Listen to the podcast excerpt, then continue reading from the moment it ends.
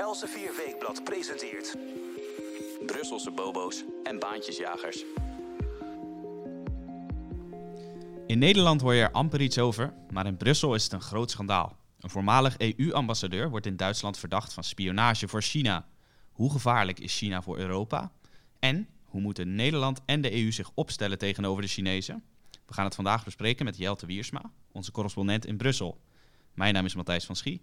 Goed dat u weer luistert naar een nieuwe uitzending van Brusselse Bobo's en Baantjesjagers. Jelte, welkom. Hallo. De Duitse EU-ambassadeur, althans voormalig EU-ambassadeur Gerhard Sabatil, die wordt verdacht van spionage voor China. Dat is in Nederland gek genoeg nauwelijks nieuws. Maar in Brussel uh, maakt het de tongen wel los, hè?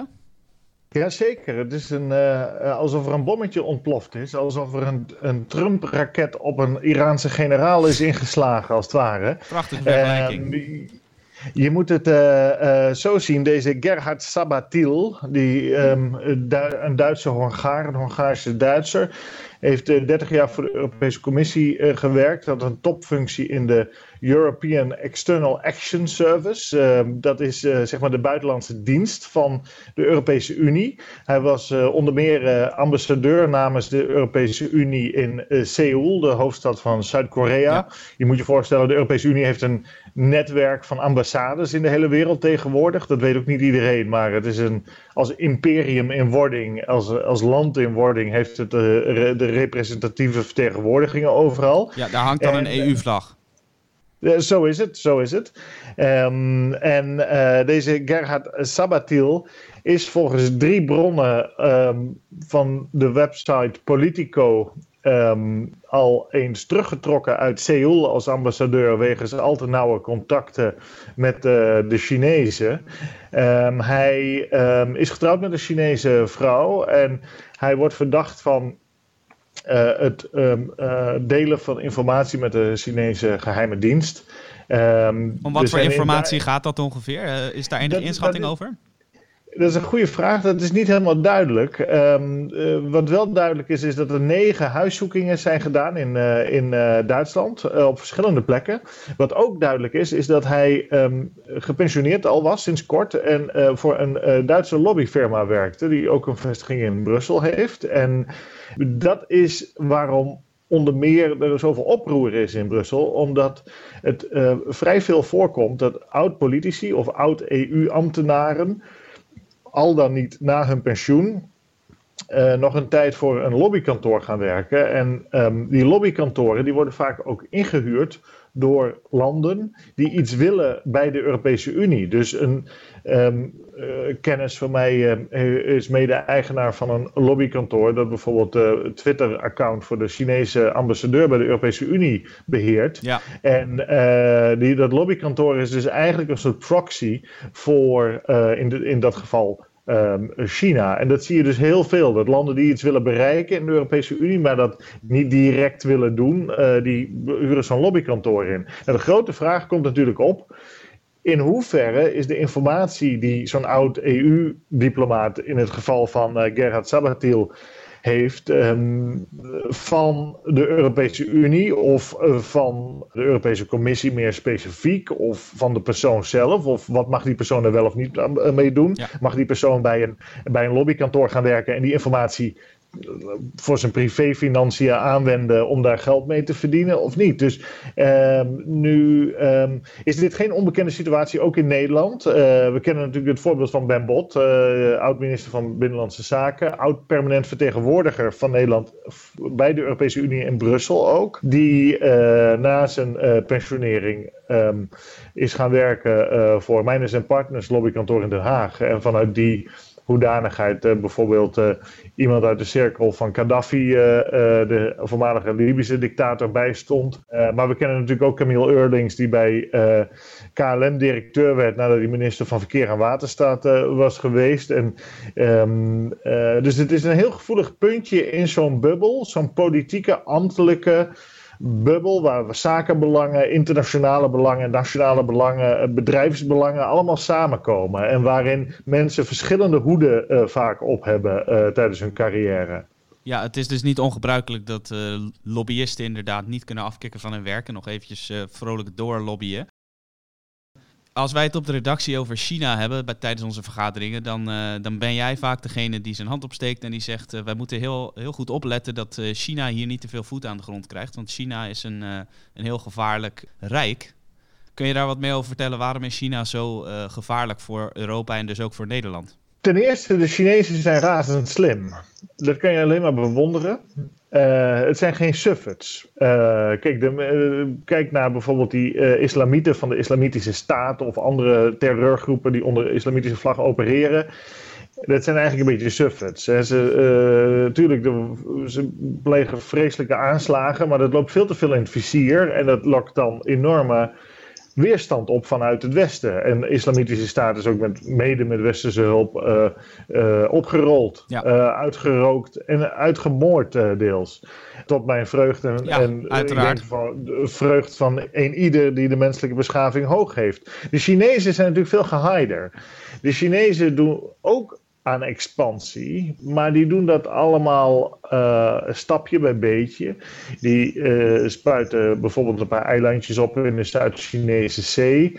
En uh, die eilandjes, daar maken ze dan een luchtmachtbasis en een militaire haven. En ze zeggen, kijk, dit is uh, Chinees territorium. En daarom is de hele Zuid-Chinese zee ons binnenlandse zee. Ja. Nou, dat vinden omliggende landen, zoals de Filipijnen en Maleisië en zo, allemaal niet zo aardig. Die zeggen, nee, nee, nee, want jullie leggen die grens op maar één kilometer voor onze kust. Ten tweede, China laat zich natuurlijk gelden in Taiwan.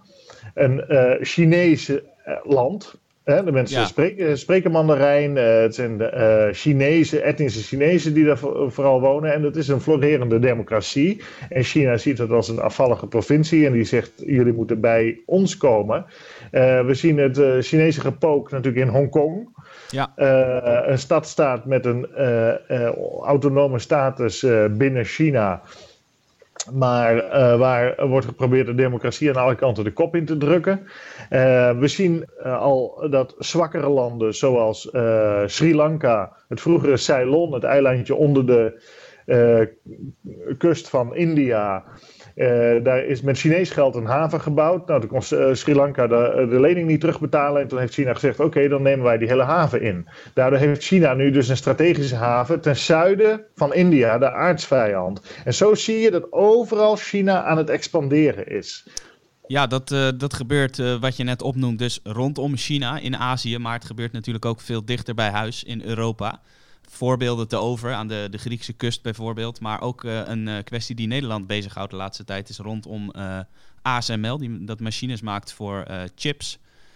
Die zouden van Amerika geen zaken moeten doen met China. Ben jij het in dit geval met de Amerikaanse overheid eens?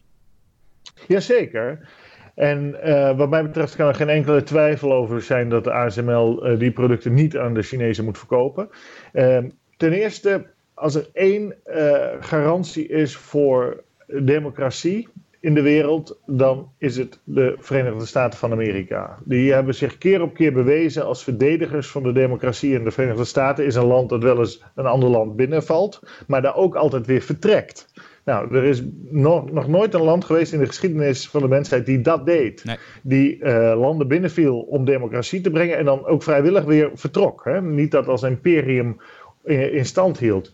Ja, we weten dat de Chinezen massaal spioneren, stelen. Ehm, eh, dat gaat om bedrijfsinformatie, dat gaat om overheidsinformatie. En laten we niet kinderachtig doen. Dat mogen ze natuurlijk doen. Waarom niet? Er is niemand die zegt dat dat niet mag.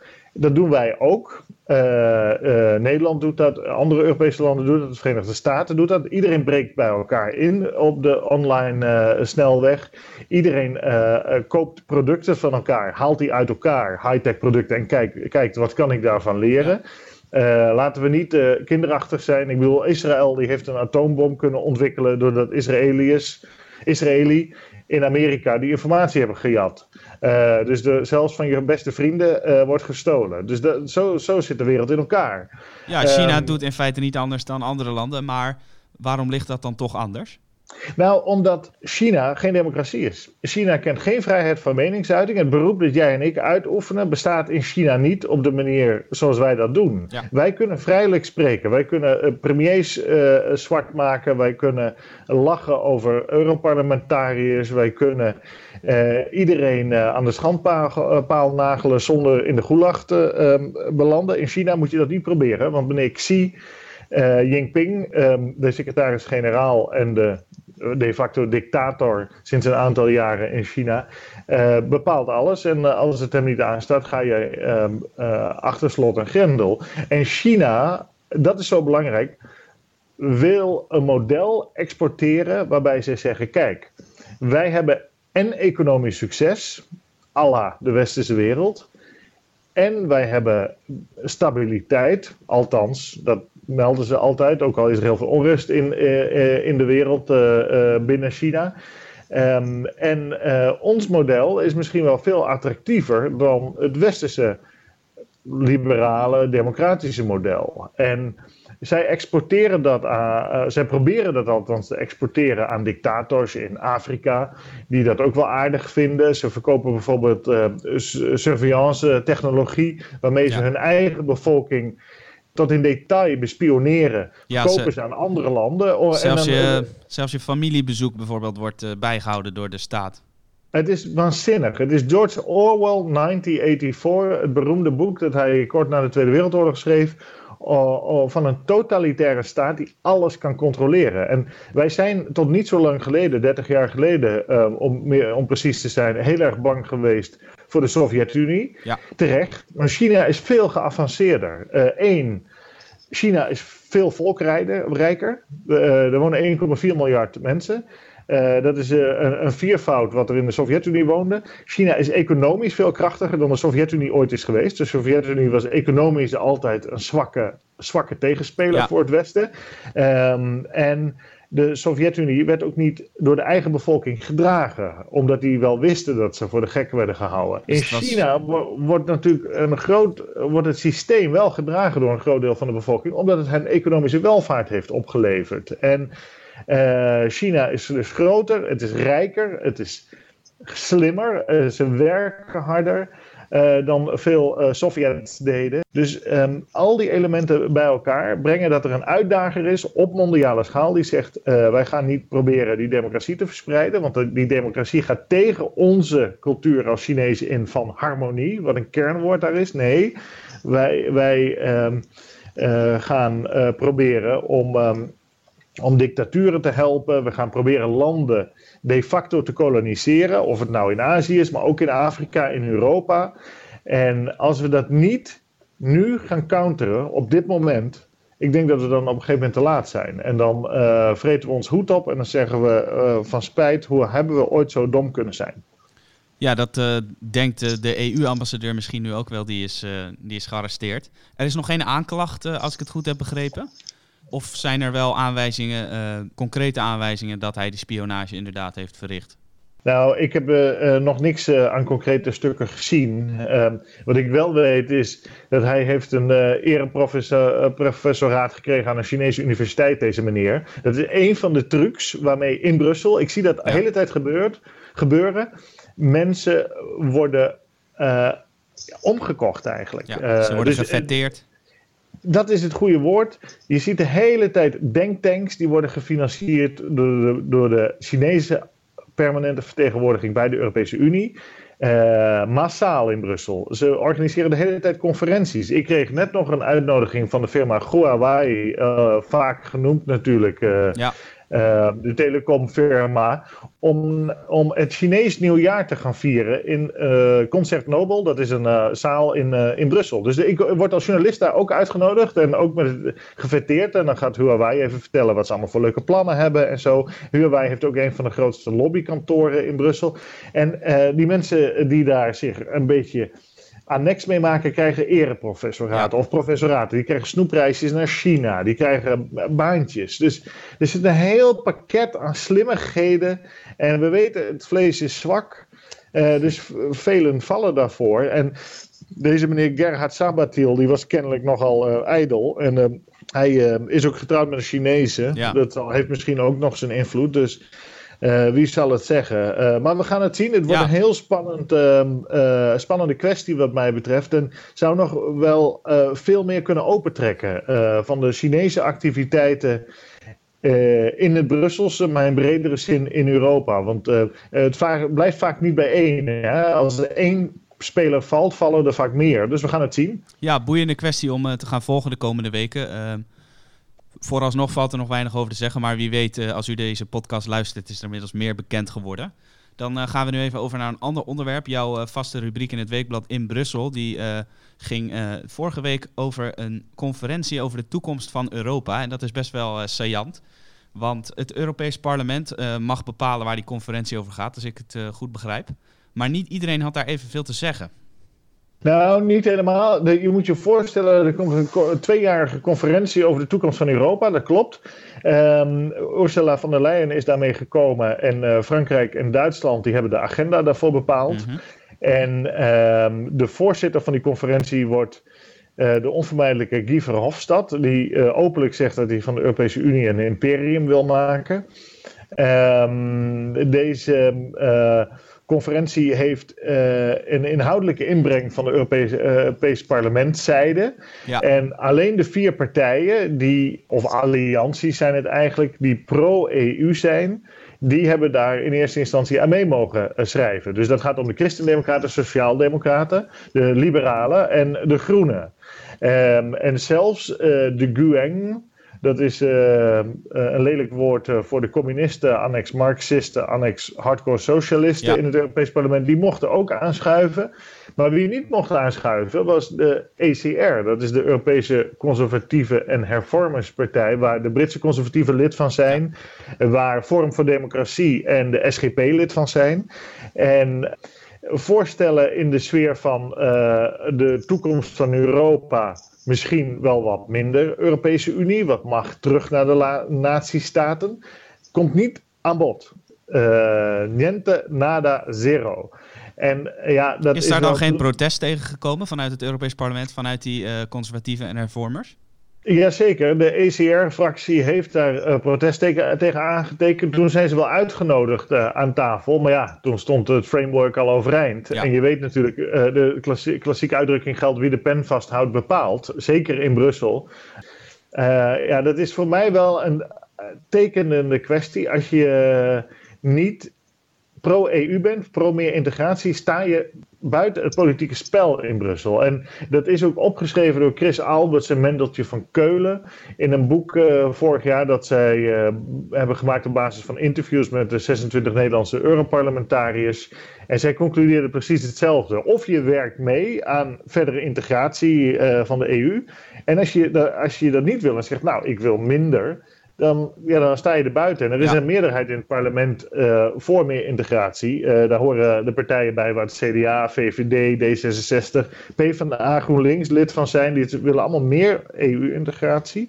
En ehm, Ja, ja, eh, jij zei wie de, wie de pen vasthoudt bepaalt wat er gebeurt. of iets in die trant. Ik kende de uitdrukking zelf niet. Hoe luidde die ook alweer, zei je? Ja, wie de pen vasthoudt, die bepaalt. Dat ja, is de wie de pen vasthoudt, die bepaalt. ja. Nou, in dat, Ja. in dat kader is het natuurlijk wel boeiend om even te kijken wie er straks de leiding gaat krijgen. Dat is namelijk best een, eh, een, een omstreden figuur in bepaalde kringen. Ja, ik, ik hou niet zo van het woord omstreden, want ja. eh, eh, maar Guy Verhofstadt is een enerverende meneer, dat is evident. Hij is natuurlijk eh, tien jaar lang premier van België geweest. ehm, en eh, tot en met 2008, eh, vanaf 1999, bijna tien jaar. En hij leidde daar een paarse regering. En hij begon als, dat is wel. curieus, als leider van de toenmalige Belgische liberale partij PVV. Hè? De Partij voor, voor, voor de Vrijheid was dat. Ja. Ander soort die- PVV dan bij ons, hè? Nou, dat zeg je nu wel, maar destijds was, eh, werd, eh, we- dat is wel een beetje waar, maar destijds werd ehm Verhofstadt de baby Thatcher genoemd, eh, de, kleine, de kleine Margaret Thatcher, want hij wilde lagere belastingen, minder regels enzovoort.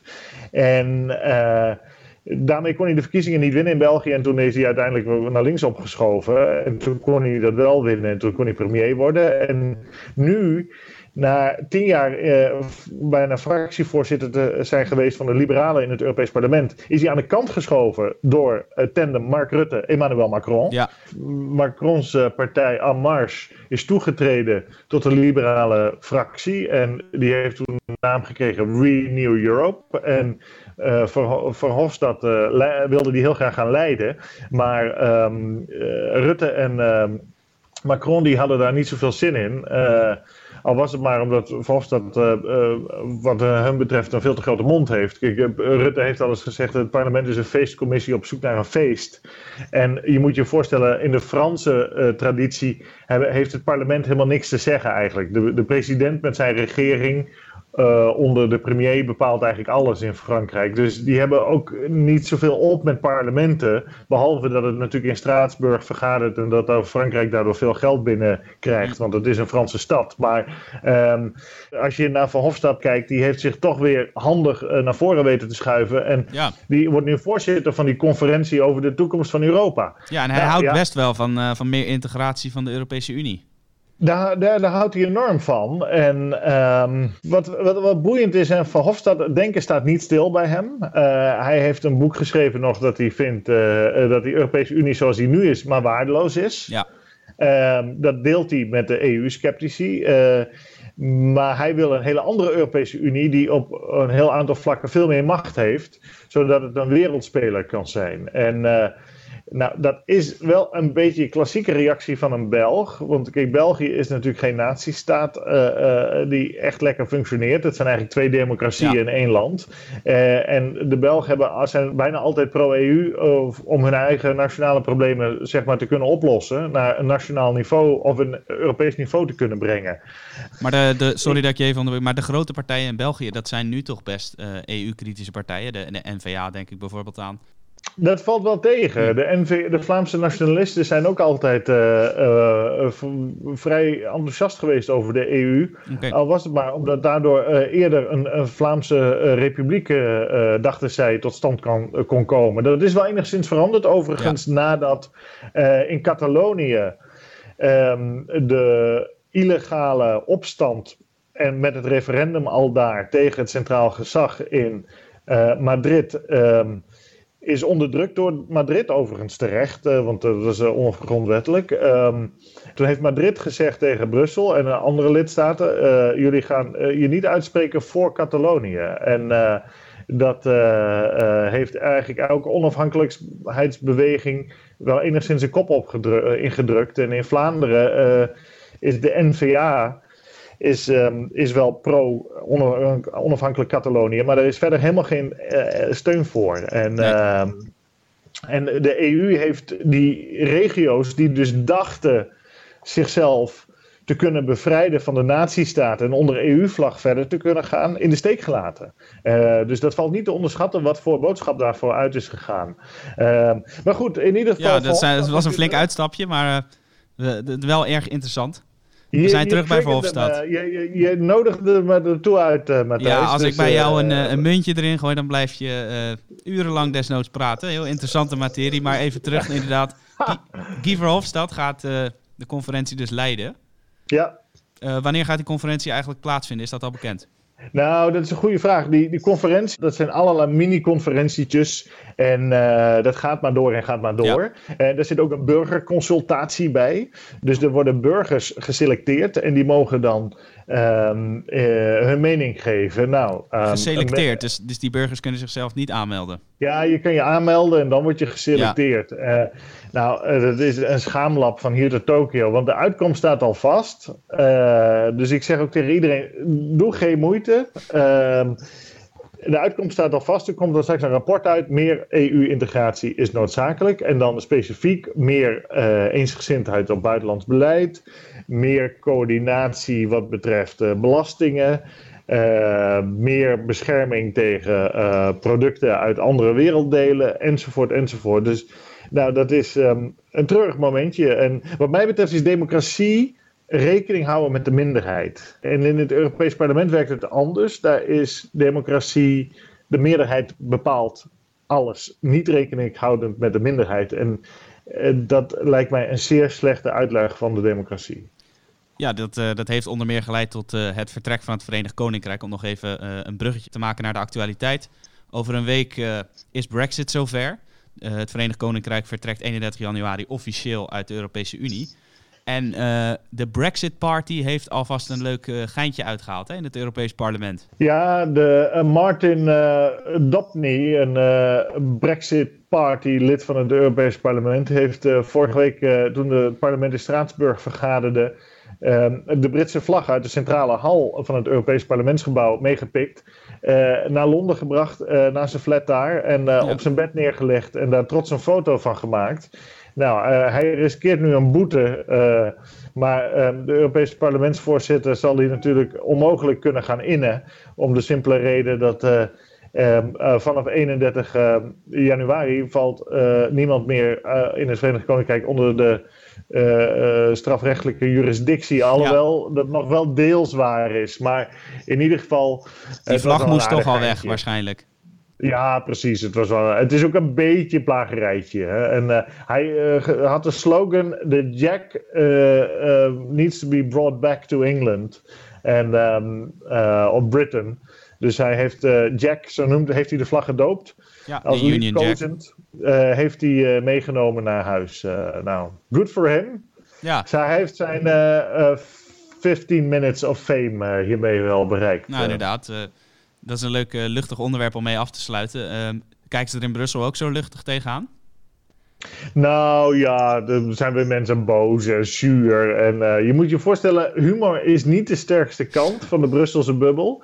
Uh, daar waren de Britten, en zeker de Brexiteers, juist altijd een positieve uitzondering op. Um, er komt een kleine ceremonie in Brussel zelf om de, uh, de vlag uh, van het Verenigd Koninkrijk neer te halen. En die gaat dan naar een museum, het Huis van de Europese Geschiedenis. Dat is een van de twee musea die door het Europees Parlement worden gefinancierd. En zijn een soort propaganda-outlets eigenlijk voor uh, de Europese uh, eenwording. En daar gaat die uh, vlag de vitrine in als een herinnering aan deze episode. En, ja, in Brussel hopen ze natuurlijk dat het bij die ene vlag blijft.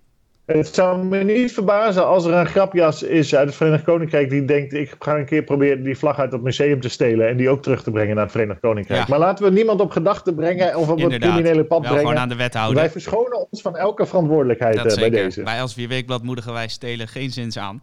Uh, Jelte, volgens mij zijn we er nu wel doorheen door de, door de actuele thema's. Of heb jij nog iets waarvan je denkt, uh, dat moet me even van het hart? Nee, dit is het belangrijkste nu. Um, er komt nog zoveel te bespreken aan, maar dat uh, is voor volgende week, voor een volgende podcast. Ja, precies. Hartelijk dank Jelte voor jouw bijdrage. u kunt de stukken van Jelte Wiersma over de Europese Unie, het komende nummer natuurlijk weer lezen in Elsevier Weekblad. En u kunt natuurlijk ook blijven luisteren naar deze podcast, Brusselse Bobo's en Baantjesjagers. Dat kunt u doen door te surfen naar www.elsvierweekblad.nl slash podcast. Of u kunt zich abonneren op ons kanaal Els 4 Weekblad, bijvoorbeeld via Spotify of iTunes. Jelt, ik wil je hartelijk danken voor uh, de bijdrage. U, de luisteraar, wil ik ook hartelijk danken voor het luisteren en uh, graag tot de volgende keer.